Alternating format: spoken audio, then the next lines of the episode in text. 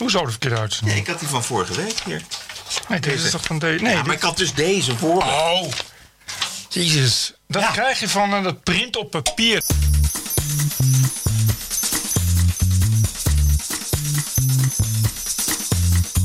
This is the TPO podcast. Ranting and Reason.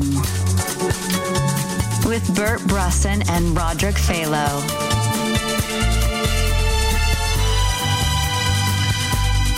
Gaat niet zo goed met lijst bijeen. Nummer 3 is geen psychiater, maar wat is ze wel? Journalisten Wier Duk en Harold Dorrenbos die krijgen gelijk van Jaap de Hoop Scheffer. En de Amerikanen raken nog niet uitgepraat over het boek Fire and Fury van Michael Wolff over Donald Trump. Het begint meestal vriendelijk, zo'n gesprek. Stephen uh, Miller. Stephen, thanks so much for joining us and Happy New Year. Thanks. Good to see you. Good to be here. Maar het gaat snel mis en dat horen we zo meteen. En verder de grenzeloze solidariteit van Hollywood. Welkom bij aflevering, aflevering nummer 49. This is the TPO podcast. Hij ging weer vloeiend Ja, vandaag, bijna, Velo. bijna Eh, ging die goed, ja. hey, gefeliciteerd hè. Hart Met? van harte. Nou, met eh, de grote prijs voor Eva Jinek. Oh, De nieuwe, eh, nou, nieuwe WC en te woord. Omroepvrouw van het jaar. Ja, omroepvrouw van het jaar, dames en heren. Jawel, jawel, jawel. Maar Bert, de, jij- jij- de, wier- ja. Biggelde een traan over haar wangen. Ah. Ze heeft haar team bedankt. En alle mensen die achter haar stonden. Zo'n goede award. Ik ben heel blij, eh, moet ik zeggen, met al deze awards. Ik voel het ook diep van binnen. Echt voel ik veel warmte. Omdat, eh, nou toch, ik wil niet, eh, niet heel vervelend doen. Maar die NPO-presentatoren zijn toch vaak een beetje lege narcisten. En die hebben heel veel behoefte aan bevestiging. Dus het is goed dat die dan ook regelmatig veel bevestiging krijgen. Anders gaat het toch een beetje al snel mis. Ja, en, en de omroep man van het jaar, is die al bekend gemaakt? Weet ik niet. Eh, nee. Jij bent behoorlijk op weg, eh, Charles Bert. Groenhuizen misschien? Nou, nee, dat denk ik niet. Nee, nee, nee.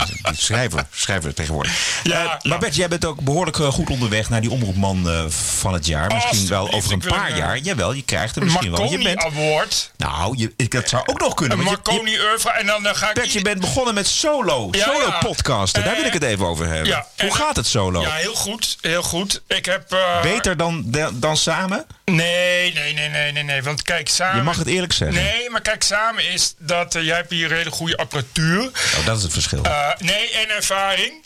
Eh, en en eh, jij bereidt ook iets voor, dat scheelt ook. Dus dan heb je een gestructureerd programma.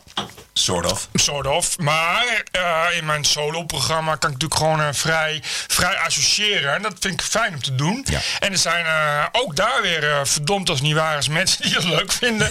Dus ja, ik kan dat ook niet helpen. Maar als mensen dat leuk vinden om naar mijn gejammer te luisteren elke ochtend, dan vind ik dat een zegen. Ja, waarom zou je het dan niet Dan doen? waarom zou je het niet doen? Maar even een, een, een opmerking voor onze donateurs. Want de- iedereen die gedoneerd, Gedoneerd. heeft, gedoneerd heeft aan eh TPO Podcast... die weet inmiddels vanaf dit moment waar het geld aan wordt besteed. Want we gaan voor Bert's solo podcast Carrière. gaan we, carrière gaan we eh, nieuwe apparatuur eh, aanschaffen. Omdat het Nou, nog, hier, nog een beetje blikkerig klinkt. En ook voor de hoofdstudio van de TPO Podcast gaan we er toch eh, iets heel moois aanschaffen Software. om het software, om het allemaal nog mooier en beter en Nog leuker te laten klinken. Ja.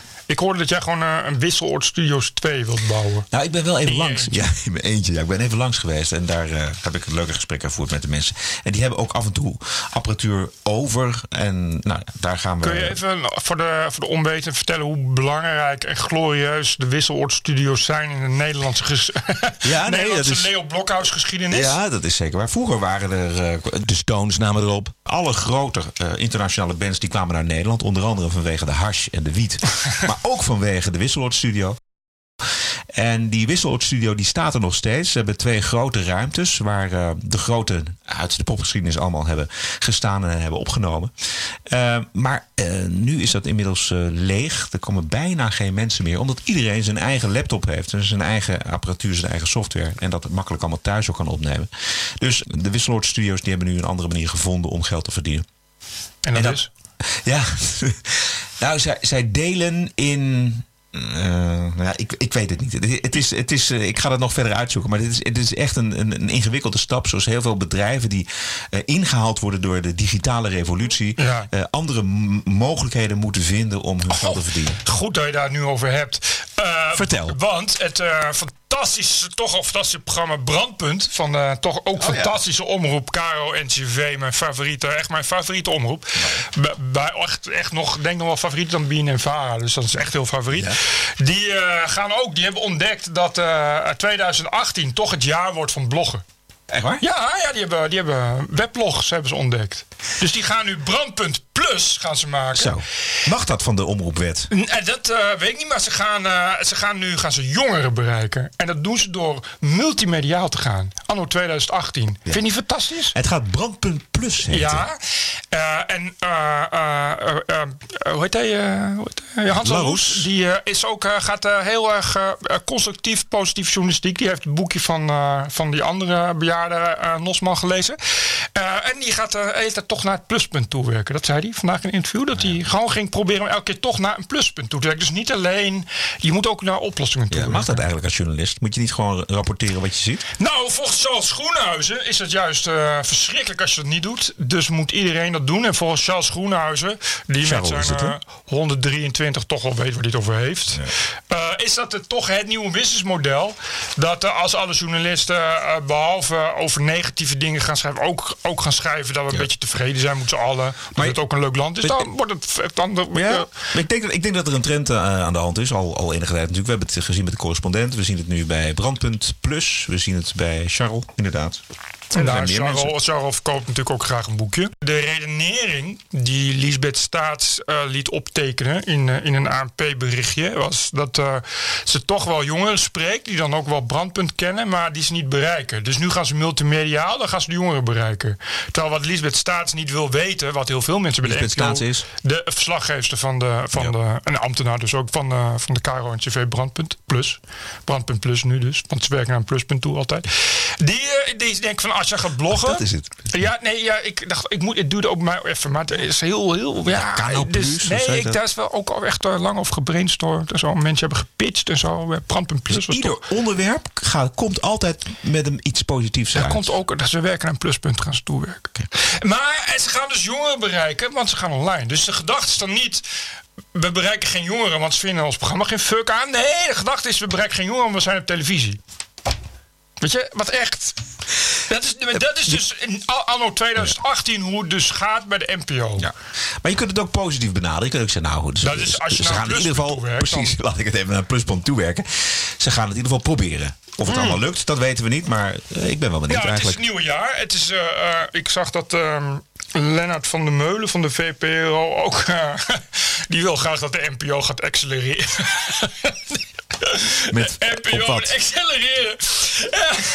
ik moest zo lachen. hoor. Het Maar was de NPO moet accelereren. Ja, nou, met wat is dus een beetje... Dat vond hij zelf ook. Hij zei ja... Maar accelereren begrijp ik niet. Wat, wat, moet je sneller gaan? Nee, mo- moet, eh, ja, kennelijk. Ik, nou, Lennart van Meulens van de VPRO. Dus dat is natuurlijk een beetje nog steeds luchtfietsen en de grachtengordelers. Maar hij vond dat de NPO moet ophouden met, eh, met de middelmaat kopiëren. Daar heeft hij helemaal gelijk in. En dat je juist van de kracht van de NPO gebruik moet maken om te accelereren en onafhankelijke programma's te maken. De NPO en kracht. En accelereren en onafhankelijke programma's maken. Zullen wij een eh, onafhankelijke uitzending gaan maken? Leuk. Bert? Daar, doe eens. Oké, laten we even beginnen met in, in eigen land, in eigen regio misschien wel. Ehm Kailin Kuit. Ja, die psychiater. Oh nee. Ja, nee, ze is, ze is Nee, geen nee. psychiater, maar de grote vraag is: wat is zij wel? Ze staat op nummer drie eh, op de lijst van B1 van eh, Sylvana Simons. Staat ze op drie? Ze staat op drie, ja. Ik dacht dat ze. Oh, Nee, ze staat echt, eh, echt hoog. Oh, dat is niet maar best. ik geloof dat haar LinkedIn-profiel inmiddels al is aangepast. dus daar is ze geen psychiater meer. Maar, Nee, maar dit, nee, daar stond er al niet op. Dat was het Oh. hele probleem. Maar LinkedIn-profiel is nu weggehaald. Eh, omdat, eh, ja, ze had natuurlijk ooit naar eer en geweten haar LinkedIn-profiel ingevuld. Mhm. Eh, die heb ik eh, bekeken. Daar zijn we, hebben we nog screenshots van. En er staat inderdaad gewoon een hele cv op. Maar dat is dus niks. dat was dus het probleem. Maar op die cv staat ook dat zij medewerker is van OneCoin. De organisatie heet OneLife. En, de, en hun cryptomunt is OneCoin. En daar had de NOS iets aardigs over. De Hongaarse centrale bank noemt OneCoin een piramidespel. In Italië en Duitsland is de verkoop van OneCoin pakketten verboden en loopt onderzoek tegen vertegenwoordigers van het bedrijf. OneCoin.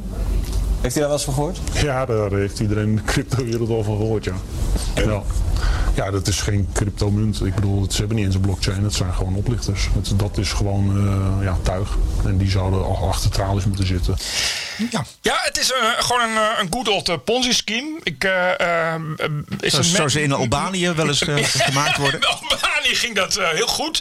Voor twee mensen, voor die andere paar miljoen niet. Eh, Bernie Madoff is dat, hè, die, die Ja. vastzit. Die Ja, de rest van zijn leven in de cel zit. Die eh, is er ook eh, heel lang heeft van geprofiteerd tot het ophield. Eh, ehm, ehm, ik zag dat ehm, je kan daar inderdaad bij de One Life... dat- die- die hebben een soort schimmige organisatie...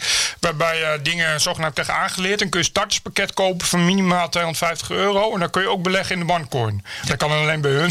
dus, eh, En deze Kailin Kuit van Bijeen, die is eh, medewerker, ondersteuner van, van Ja, OneCoin. is volgens mij eh, inderdaad ook marketing. eh, ik geloof dat zij. eh, Maar dit is geen goed nieuws voor Sylvana, volgens mij. Nee, dit is verschrikkelijk. Want nou ja, kijk, ze heeft natuurlijk die kans gehad in, in het eh, legendarische Buitenhof. Buitenhof, ja. Eh, je hebt daar vast nog heb je fragmenten van? Nee. Ja, nou ja, ze is al bij het Buitenhof bij eh, Pieter Pieter aangestopt. Pieter Jan ja. Huijs, en die heeft eh, overigens heel slap, dat, want tot nu toe heeft eh, de oude media daar helemaal niets mee gedaan. Het is echt helemaal te danken aan geen stijl. Dat, daar- dat dit nou eh, eindelijk wel inderdaad zoals verwacht naar buiten is gekomen. Daarin, in, ze werd gevraagd van ja, is, er, is, er zijn geruchten over dat, dat jouw nummer drie geen lijst of geen psychiater is zoals ze beweert. Dan heeft Sylvana Simons gezegd nee, dat is niet waar. Dus oftewel, ja, ze is wel psychiater. Wat natuurlijk oliedom is, want nu kan ze er niet meer onderuit. Dus nu is, is dat is dus was vandaag ook dus Beetje nieuws. jammer dat eh, Pieter Jan Hagens daar niet op door... eh, Nou, wat ik wel echt verbijsterend vond, eh, is dat die, die redactie van Buitenhof had het toch zelf kunnen doen? Ja, die had even moeten uitzoeken. Hoezo inderdaad. moet geen stijl en, en, uit, en, en de Telegraaf dat doen? Ja. Terwijl de redactie van Buitenhof daar de hele week de tijd voor. Die weten dat Sylvana Simons komt. Dan weet je dat dit de kritische vraag wordt. Die hadden, bedoel, het heeft mij ook... ik heb aan S. van Venema gevraagd, die is psychiater. Van, kun jij, kun jij even nagaan in het BIG-register? Heeft ze gedaan. En gezegd, toen heeft ze gezegd... Ik, zal ik aan, aan eh, even op Twitter oproepen of er collega-psychiaters zijn die misschien die Kaelin heeft opgeleid. Nou, daar kwam alleen maar reacties op van mensen zijn. Nou, ik heb wel MAVO met gedaan. Dat is ook weer niet zo heel lang geleden. Dus de kans dat het psychiater is. Weet je, vervolgens heeft de Telegraaf daarop gereageerd. Die zeiden van, eh, we, we hebben dit gezien, wij gaan er iets van maken. Terwijl ik dacht, dat, maar je zit toch voldoende mensen bij Buitenhof Ja, het was die een dagje kunnen precies. bellen. Het was jammer, want daardoor werd het gepresenteerd als gerucht, terwijl het helemaal geen gerucht was. Waarom hebben ze dat niet gecheckt? Ja, dat vind ik ook zo raar. Ik denk echt dat als het de PVV was geweest, dat ze het wel degelijk hadden gecheckt. Dan hadden ze daar in die uitzending gezegd van ja, maar we hebben het even gecheckt. En dan blijkt dat ze helemaal nergens gestudeerd heeft. Dus hoe legt u dat dan uit? Ja. En hier was het toch wel een beetje met zijde handschoentjes van ja, oké, dit was het, we gaan er overheen. En vandaag zat Sylvana Simons bij Sven Kokkelman. Sven, de pitbull Kokkelman, die ook daarover geen enkele vraag heeft gesteld. Dan ga je toch bedenken dat er iets aan de hand is. En in elk geval iets mis is in oud-mediale land. Namelijk dat ze op bepaalde kritische vragen misschien wel niet willen stellen. Omdat ze dat niet goed uitkomt. Ja, dat kun, dat kun je van Sven Kokkelmans volgens mij niet, niet verwachten. dat zou je denken. Maar dat is, heeft ook volgens mij te maken met het feit dat als je dat wel doet, dat je dan te veel eh, in de richting van geen stijl eh, speelt. En dat is precies wat ze niet willen. Dat zou kunnen. TPO Podcast. Dan gaan wij naar het boek. Het boek van Michael Wolff. Wat al dagen in Amerika eh, het gesprek van de dag is. Vooral op de media. We beginnen even met anker Jake Tapper van CNN. Hij heeft aan tafel Steve Miller, een van de belangrijkste adviseurs van Donald Trump. En eh, deze Jake Tapper die, eh, die quote een aantal tweets van Donald Trump. I went from very successful businessman to top TV star to president of the United States on my first try. I think that would qualify as not smart but genius and a very stable genius at that. Do you think tweets like that help or hurt the cause that the president is stable and up for the job? Not only do I think they help it, but I think in the toxic environment that you've created here in CNN and cable news, which is a real crisis of legitimacy for your network. And we saw it, of course, with the extremely fake news you reported about the Don Jr. and WikiLeaks story. That was a huge embarrassment for your network. Stephen. Just like the huge embarrassment you had when you got the Comey testimony wrong. Stephen, I'm trying to get to the issue of the president's fitness, which a lot of people well, are and I'm getting to the issue of your No, fitness, but the president's the president's tweets absolutely reaffirmed the plain spoken truth. A self made billionaire revolutionized reality TV and tapped into something magical that's happening in the hearts of this country. Ja, weet precies met welk doel deze Steve Miller naar de CNN-studio gekomen is. Namelijk, Yep. eh, ik ga nu eens eventjes hen de waarheid Yep. zeggen. En ik ga zeggen hoe, hoe, hoe, hoe haatvol ze zijn richting, richting de president. Nou, ik kan me nu al. Ik ken deze eh, Tapper niet, maar ik weet nu al dat hij daar heel goed tegen kan. Dat lijkt me echt iemand die. ja, die echt als een echte journalist gewoon zich objectief kan openstellen. Ook voor andere waarheden. En ook zeg maar met heel veel zelfkritiek aan zelfreflectie kan doen. En zeggen van ja, nou daar heb je eigenlijk ook wel een punt. Niet? Niet? Nee, nou, dat doet hij. Dat, hij, hij, hij geeft hem best veel ruimte, moet ik zeggen. Oké. Het gesprek duurt 12 minuten. Hij geeft die Miller heel veel ruimte. Ehm, maar hij wil natuurlijk wel gewoon antwoord op zijn vragen. Ja. En wat we nu horen is eh, de tactiek van Miller. Hoe hij die vragen van Dick Jake Tapper probeert te omzeilen. The book is best understood as a work of very poorly written fiction. And I also will say that the author is a garbage author of a garbage book. Heeft hij van Trump geleerd, of Trump van hem. maar- Exact. Twee doelen, hij heeft drie doelen gehad. Het boek afzeiken, CNN afzeiken en roepen dat eh, de president de beste en meest geniale president is die de Amerikanen Wie is hij? Eh, hij is eh, gewoon assistent van Trump. Of, Ja, of, of hij is- assistent van de chief of staff. Of zo, Ja, hij is, hij is eh, advisor, Ja. White, Witte Huis advisor. En daar lopen er een aantal van rond en hij is er één van. Ja. Hij kijkt een beetje half uit zijn ogen. Hij je denkt dat hij aan het slapen is, maar hij zegt toch wel hele stevige dingen. Laten we even luisteren nog naar hoe het eindigt. Okay, you're not answering the questions. No, I understand. You have 24 hours a day of anti-Trump material. you're and you're not going to give three minutes for the American people I to get hear it. the real experience you- of you- Donald Trump. There's one viewer that you care about right now, and you're being obsequious. No, you're being a what- no, factotum in you're order to please him. Okay, No. and I think know- I've know who wasted. I it- I care think I've wasted enough of my You know viewers' who I, time. you know who Thank I you, care Steven. about? You wasted enough of my time. Nee, ik, ik, ik moet eerlijk zeggen, jij attendeerde mij op dit, eh, deze, deze ruzie. Maar die eh, Jake Tapper, die heeft eh, wat mij betreft toch eh, zijn, zijn geduld nog heel lang gehouden. Want het was wel een pain in the ass. Aan de andere kant kun je ook zeggen van, het, eh, als je als omroep, eh, als zender, eh, de president zo lang, maand Ja. na maand na maand na maand aan het afzeiken bent. En je vraagt dan zijn adviseur, dan kun je dit verwachten. Nou ja, ik, zoals ik het hoor, denk ik ook wel van ja, CNN had it coming. Weet je, ik bedoel, eh, Ja. dat is, daar- wat, wat hij zegt is natuurlijk gewoon wel waar. Dat zegt hij alle- als hij wordt weggedraaid ook. Van ja, jij hebt 24 uur per dag om, om, om, eh, om mijn president te haten. Maar als ik hier drie minuten zit om het voor hem op te nemen, dan eh, een beetje. Dus daar heeft hij natuurlijk wel een punt. Jawel, maar die drie minuten heeft hij echt gekregen. Nee, dat vind ik ook wel. Ik bedoel, En bovendien, het grappige was dat op een gegeven moment gaat Jake Tapper gewoon naar het volgende onderwerp. En dan draaien ze natuurlijk die microfoon van die, van die Miller draaien ze uit. Maar die Miller die bleef gewoon zitten. En die is dus door een stel bewakers van die, van die desk gehaald. Ja. Ja. Zie je dat ook? Of Nee, niet? dat zie je niet, maar dat heb ik, dat heb ik gehoord. Dat las ik vandaag. Oh, dat vind ik wel vet. Ja. Ja, nee, ja, ik bedoel, ik vind wel, ja, het is, het is natuurlijk wel echt oorlog. En dat hebben ze ook wel echt zelf om gevraagd. En eh, ik, vind het, ik vind het wel wat hebben dat je dan ook, en dat vind ik sowieso wel leuk bij Trump, dat je dan ook gewoon verweert. Dat je ook zegt van, nou oké, weet je, als jij als het jou als zender, grote zender, met eh, allemaal normen en waarden die, die te pas en te onpas verkondigt over hoe geweldig je bent. Maar als het je niet lukt om gewoon nieuws te doen, dan, dan doe ik precies hetzelfde, weet je. Want dat, natuurlijk, dat vind ik wel, en dat vind ik het mooie hieraan. Dat je nu ziet van, nou ja, als wij op hetzelfde ehm, niveau gaan bewegen, ja, dan wordt het straatvechten. Maar goed, dat is, maar dat is ook wat jullie doen. Maar als jullie het doen, hè, als ze bij CNN dat doen, dan zeggen ze, nee, journalistiek is heel belangrijk, we bewaken de democratie. Ja, maar eerst, Maar ze balen wel ontzettend volgens mij van dat boek eh, in het Witte Huis. dat kan me voorstellen. Eh, luister even naar eh, Mike Pompeo. Hij is eh, de baas van de CIA. Hij is echt een hardliner en een enorme eh, fan van, van Trump. Hij komt ook van de Tea Party. hij zit bij Fox. benefit to America. Statements like the one Mr. Wolf made about uh, how how we all think about the president just they're just ridiculous on their face. They're they're frankly beneath the conversation this morning, Chris.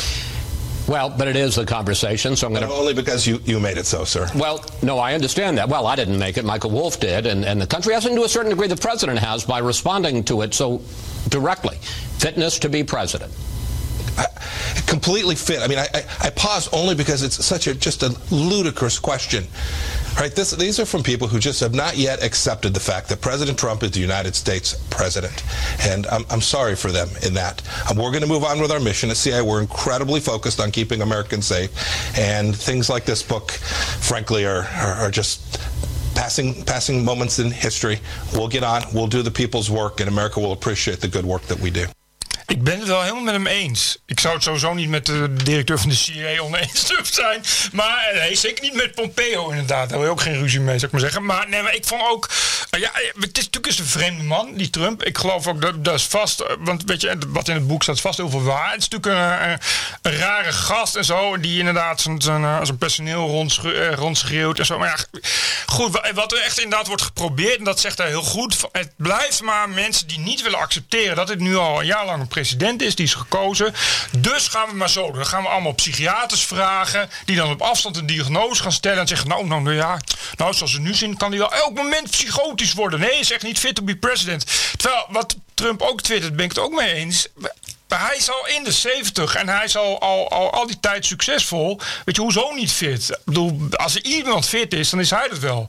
Maar je gaat maar eens doen op je 70 en zo. Dat, dat vind ik allemaal zo gelul. Het is allemaal echt ja, spijkers op laag water ja. zoeken. En dan maar psychologiseren, zodat we toch nog iets om te demoniseren hebben. Want nou, hij eet elke avond cheeseburgers op bed. En hij heeft uh, drie televisies. En hij kan niet normaal met mensen communiceren behalve de telefoon. Nou, oeh. Oké, okay, maar dat zegt dus helemaal niks over wat hij inderdaad, wat hij, wat hij Pompeo inderdaad zegt. Van ja, als ik met hem elke dag heb ik een vergadering met hem. En dan blijkt het een man te zijn die hele uh, lastige vragen kan stellen over hele complexe situaties. Want dat is wat CIA doet, complexe situaties. Waar ik het er echt niet zomaar altijd even makkelijk mee heb. Het gaat over geschiktheid, het gaat over collusion met de Russen. Het gaat over of hij niet de grondwet uh, verbreekt, of hij wel goed omgaat met de pers. En dat zijn onderwerpen die steeds weer terugkeren. Ja. En ja. onze vrienden van No Agenda die noemen dat dan uh, de Trump rotation. Ja. Uh, want nu is de collusion met de Russen is weer eventjes uh, op een zijpad. Ja, weer weg. En nu gaat het weer over zijn geschiktheid. Maar de, op een gegeven moment gaat dat weer over. En dan komt de collusion weer om de hoek. nee, maar je ziet, dit, dit, dit is, is bij Wilders gebeurde dat net zo. In Wilders hebben we ook, ook hoe heet die, Corine de Ruiter, hoogleraar en hoogleraar forensische psychologie, dan op, die dan op afstand gaat zeggen: nee, dat is, als ik het aan mijn, aan mijn TBS-puntenplan, dan uh, is de uh, Wilders echt geschikt. Want die schelten, dat is voor TBS. Weet je, dat je denkt, weet je, waar slaat het op? En zo. Ja. Dit is echt. Ja, die mensen, natuurlijk hebben, zijn die mogelijk. Zolang, die mensen, uh, zolang je die mensen elke dag ziet regeren, is, zijn ze mogelijk. En, en het, ja, zo'n boek is natuurlijk, ja, het is natuurlijk ja, een soort, soort sappige roddel. Wat natuurlijk hartstikke ja, leuk wegleest. En die ja. wolf, die gaat hier natuurlijk mee binnenlopen. Want iedereen gaat het boek kopen. Want ja, ja die, die zijn natuurlijk altijd mensen die dat digitaal downloaden. Maar nee, maar... Weet je, bedoel, het is, maar het is natuurlijk sappig. Maar het is natuurlijk een soort... soort ja. verder een soort roddelniveau. Precies. Het, het is natuurlijk een beetje de sterren. Ja, dit is wat hij zelf omschreef. Ik ben, ik ben een vlieg op de, op de muur geweest. En ik heb gewoon geluisterd naar wat er, wat er geweest is. Het gesprek tussen, te, tussen Tapper en Miller was aardig om te horen. En ontspoorde behoorlijk. Maar het mooiste, het meest scherpe gesprek vond ik eigenlijk met uh, de schrijver van het boek zelf op CBS. Did you speak with any members of the president's cabinet for this book? I did not. You did not? I did not. And did you speak with the vice president? I did not.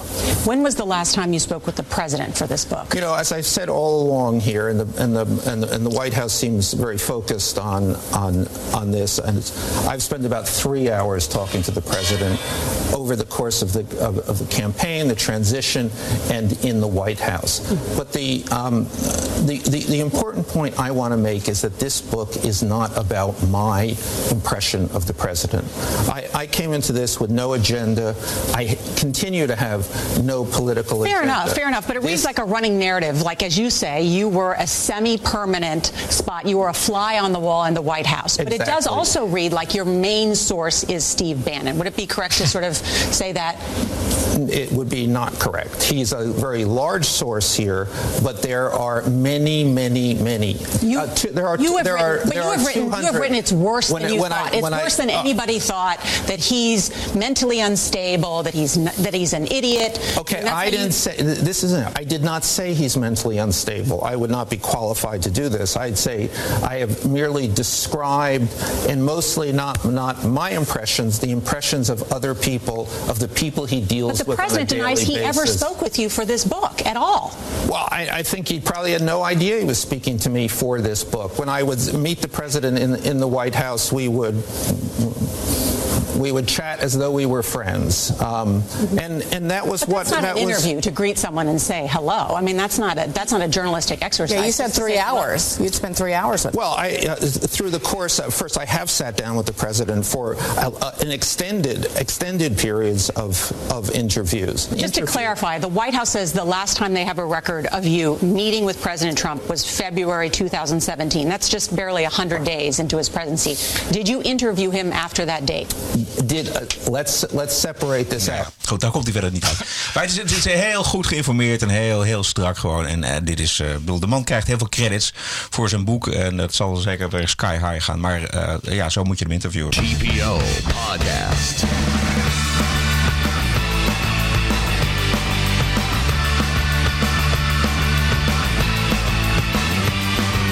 Ranting and Reason. In Duitsland zijn vandaag begonnen de coalitiegesprekken voor eindelijk een nieuw kabinet. Eh, Merkel probeert het nog één keer met Schulz, met de SPD. Ja, dat is een lastige, die- want de SPD heeft behoorlijk verloren met de verkiezingen. zeggen, die niet de verkiezingen gewonnen. Nee, precies. En het moet allemaal maar om eh, natuurlijk de AFD buiten de deur te Juist. houden. En er is er verder geen andere mogelijkheid meer.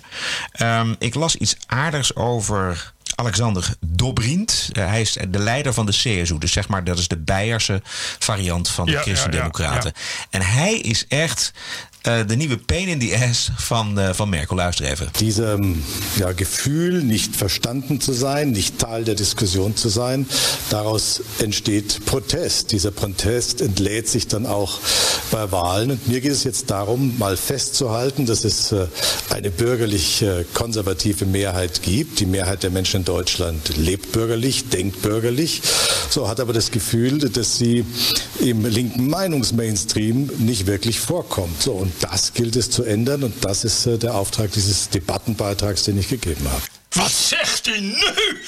Wat een wanstaltig realisme. Glashelder en rationeel een beetje zeggen hoe het er waarschijnlijk bij de meeste Duitsers wel voor staat. ja. Nou, dat kan niet hoor. Ik hoop dat hij snel wordt gecensureerd van eh, social media, van Facebook en Twitter. Als mensen dit soort tweets ook nog eens gaan lezen. Dat is heel eh, grappig. Want dit, dit, hadden ze, dit komt uit een stuk wat hij had geschreven voor eh, Die Welt afgelopen dit weekend. En daarin heeft hij het inderdaad over die conservatieve omwenteling en de dominantie van de linkse elite. En hij mocht er iets over zeggen in, bij de ZDF, bij het programma Hoyte, wat eigenlijk een gewoon een nieuwsprogramma is. Ja, Maar ja, daar zit een dame die op zich wel heel eh, goed en, en, en strak is. Maar die, eh, die, hij werd behoorlijk aangepakt, deze Dobrindt. Maar ik vond het aardig om te zien hoe hij eh, toch de glimlach weet te bewaren en gewoon zijn verhaal vertelt. Nou, hij heeft een, inderdaad een glashelder verhaal. Ja. En dat is uh, tekenend natuurlijk. Ja, de CSU is natuurlijk geen CDU. Maar volgens mij is het binnen de CDU ook wel een hoop. De, er zitten toch een hoop uh, randgevallen die uh, ook al aan Merkel ernstig op de zenuwen werken. Want ja, ja kijk, het is natuurlijk een heel moeilijke situatie in, in Duitsland. We, de, ze zitten gewoon niet te wachten, nog steeds niet, op conservatieve rechtse krachten. Maar je ziet dus dat het conservatief rechtse ja, steeds meer op op, opschuift naar, naar ja, gematigd conservatief. En dus inderdaad, en die CDU'ers en die CU'ers helemaal is natuurlijk toch uh, ja, rechts van het midden. Uh, jongens en meisjes die en braaf naar de kerk gaan, maar ook hard werken en belasting betalen. En dit, daar, dit, is, dit, is, precies hetzelfde verhaal wat er in, in heel Europa plaatsvindt. Exact, uh. En ook in Nederland. Gewoon, gewoon eigenlijk wat burgers willen. En inderdaad ja. een beetje zat zijn van de elite die maar aan verder kakelt. Ja. Terwijl, weet je, tegelijkertijd dat, dat het allemaal zo veel mogelijk wordt gedaan alsof alsof die burgers, dat toch blijft dan maar, blijft dan maar een randverschijnsel. En die stemmen AFD, maar dat zijn dan nazi's. Dat kunnen we lekker buitensluiten. Maar ondertussen, hè, het zuipelt dat steeds meer door. Komt dat ook steeds meer in die mainstream. Ik las in, in, uh, in de Beeld.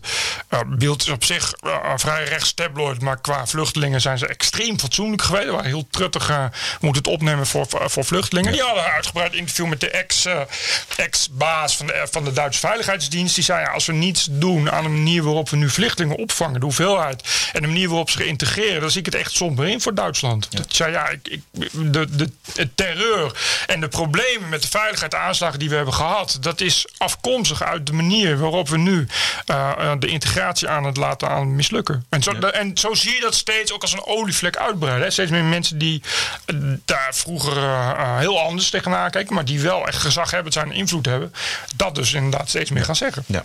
Even nog over de nieuwe censuurwet in Duitsland. Die gaat uh, uh, zo goed.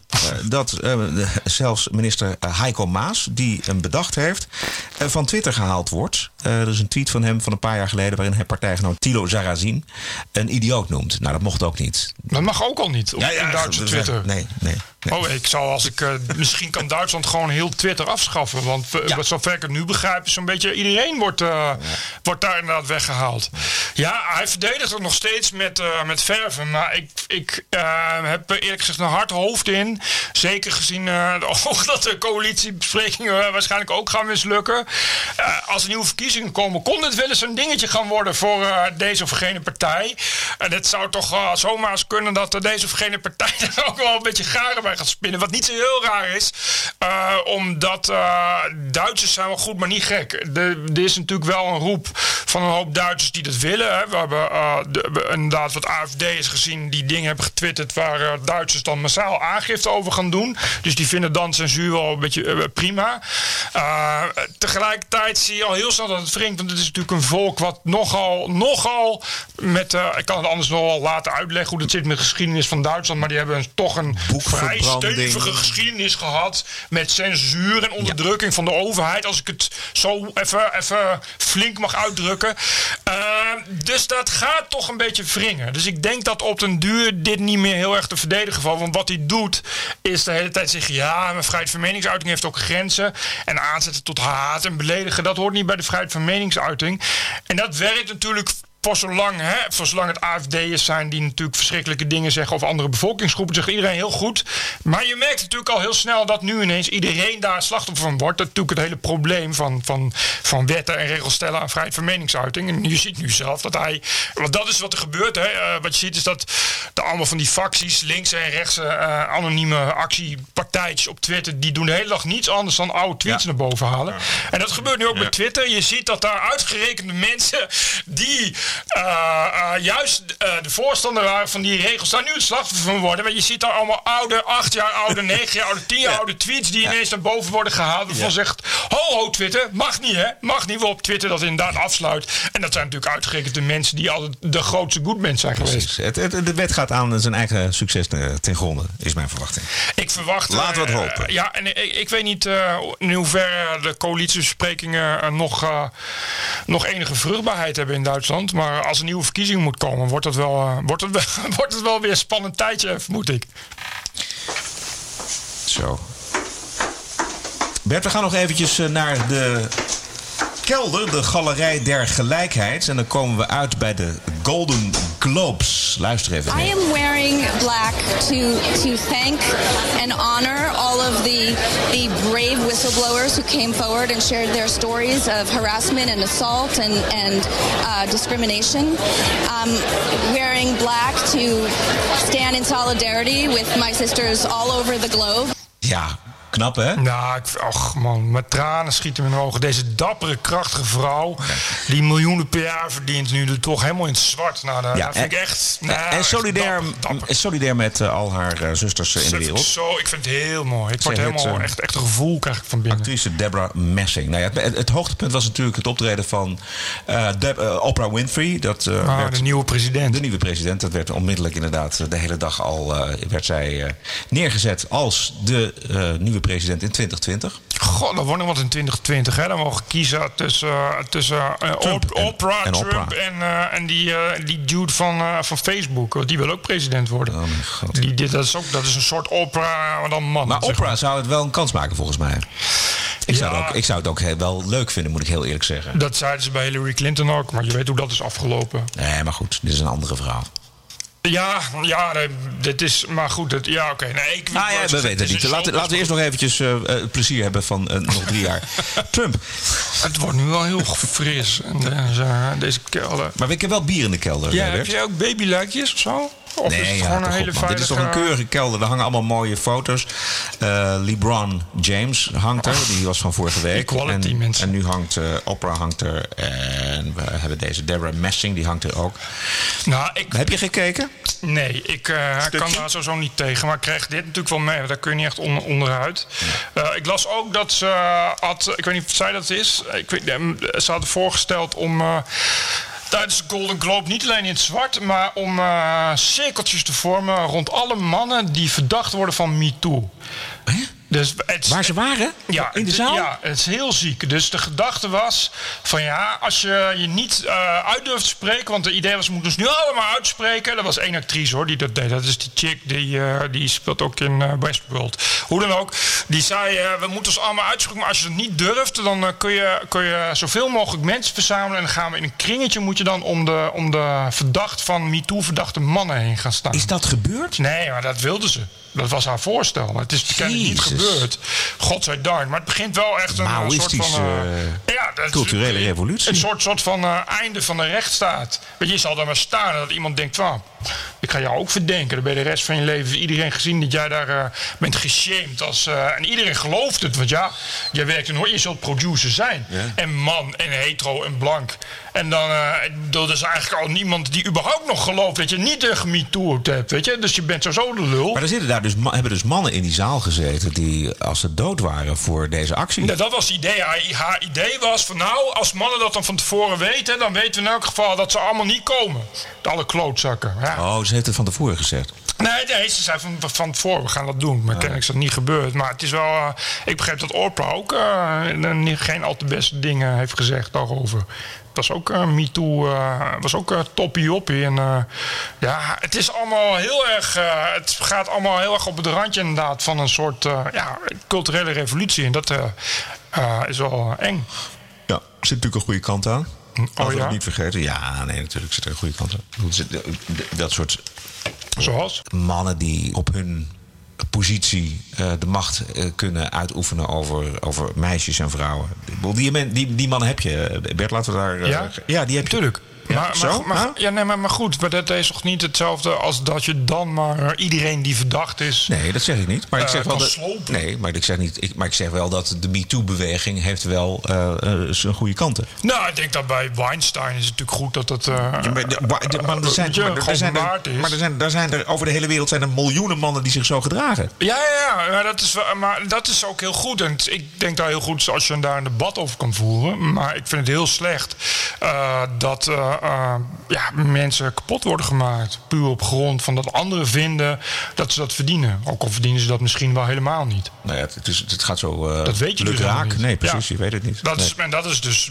De laatste culturele revolutie liep ook niet zo goed af, kan ik me herinneren. Oké, we gaan weer naar boven. We lopen gewoon weer. eh, naar boven. Even kijken.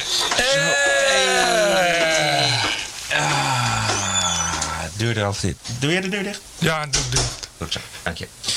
Oké, eh, we zijn bijna toe aan de bonusquote. Bert, heb jij nog wat andere dingetjes? die we misschien moeten nou, ik heb al mijn kruid alweer verschoten. Wou je niet even reclame maken voor je solocast? Nee, de, ja, maar de, iedereen die dit luistert, luistert vast ook wel naar mijn solocast sowieso. En anders niet, weet je, hoe cares. Ik, eh solocast gewoon een eh, slag in de ronde, omdat je toch wat moet met je tijd. dan, eh, maar is, eh, als mensen dat leuk vinden, dan hoor ik het wel. En ik krijg al allemaal aardige mailtjes, dus wat dat betreft. Leuk. De bonusquote is van iemand uit het kabinet van Donald Trump. Donald Trump krijgt veel voor zijn kiezen, ook over zijn beleid, eh, de muur tegen illegale immigranten. En dit is een van zijn ministers over het probleem van illegale immigratie. We all agree on the need to better secure the border and to punish employers who choose to hire illegal immigrants. Uh, you know, we are a generous and welcoming people here in the United States, but those who enter the country illegally and those who employ them disrespect the rule of law, uh, and they are showing disregard for those who are following the law. Uh, we simply cannot allow people to pour into the United States undetected, undocumented, unchecked, and circumventing the line of people who are waiting patiently, diligently, and lawfully uh, to become immigrants in this country. So that's why we need to start by giving agencies charged with border security new technology, new facilities, and more people to stop, process, and deport illegal immigrants. Oké, dus de grens beter bewaken, Mhm. eh, deportatie opvoeren. Eh, en uitleggen waarom illegale immigranten geen voorrang mogen krijgen op mensen die op een legale manier de Verenigde Staten proberen binnen te komen. Mhm. Wie was dit? Dit was een senator. Mag ik niet zeggen, als je zijn naam noemt, dan weet ik dat hij senator onder Obama was in 2005. Nee, hij was een senator. Hij is Obama. dit, is, dit is senator Obama. Heet hij Obama? Ja, in 2005. Is dit Barack Obama? Dit is Barack Obama. Kun je nog een keer laten horen? Yeah, we all agree on the need to better secure the border and to punish employers who choose to hire illegal immigrants. Uh, you know, we are a generous and welcoming people here in the United States, but those who enter the country illegally and those who employ them disrespect the rule of law. They are showing disregard for those who are following the law. Yeah. Uh, we simply cannot allow people to pour into the United States undetected, undone. Ja, die, en Dit is Barack Obama als 2005. senator in 2005. Toen was dus nog geen wanneer werd president. eh, Obama president? Ja, ja, daarna natuurlijk. Ah, wat grappig. Ja. Dat is wel een, eh, een eh, hard verhaal dit voor, eh, voor die keurige, keurige hope and change Obama. Nou ja, het is eigenlijk niet veel, veel anders wat, eh, eh, wat Donald Trump nu zegt. zeggen. maar dat is Dus ook- zo hard is het verhaal van Donald Trump nou ook weer niet. Dat is ook zo'n ding, dat, je, dat eh, bouwen van die muur die Trump doet, daar valt dan nu iedereen eh, overheen, vooral hier in het Westen. Terwijl die muur die staat er al heel lang, die is alleen gedeeltelijk af. Dus het is niet zo dat, dat Trump eh, helemaal uit het niets op de proppen kwam van, oh, we gaan een muur bouwen, we gaan illegale tegenhouden. Dat was dus al eh, jarenlang ook een beleid. Omdat er toch eh, nou, wel een paar miljoen inwoners zijn die dagelijks last hebben, zou ik maar zeggen. Als je daar woont, ben je niet blij met, met wat er daar gebeurt. Tot zover deze aflevering. Wij gaan aan de slag met aflevering nummer 50. Waardeert u deze podcast, dan kunt u die waarde uitdrukken in een donatie. Ga naar tpo.nl slash podcast en daar ziet u hoe u kunt doneren.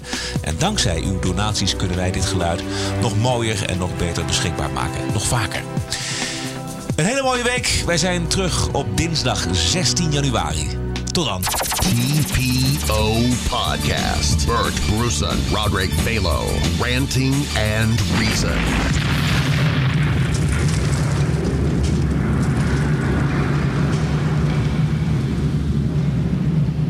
This is James Damore. There are many conservatives that are in the closet, quite literally, in Silicon Valley. And I mean, I'm a centrist and I still can't express many of my views.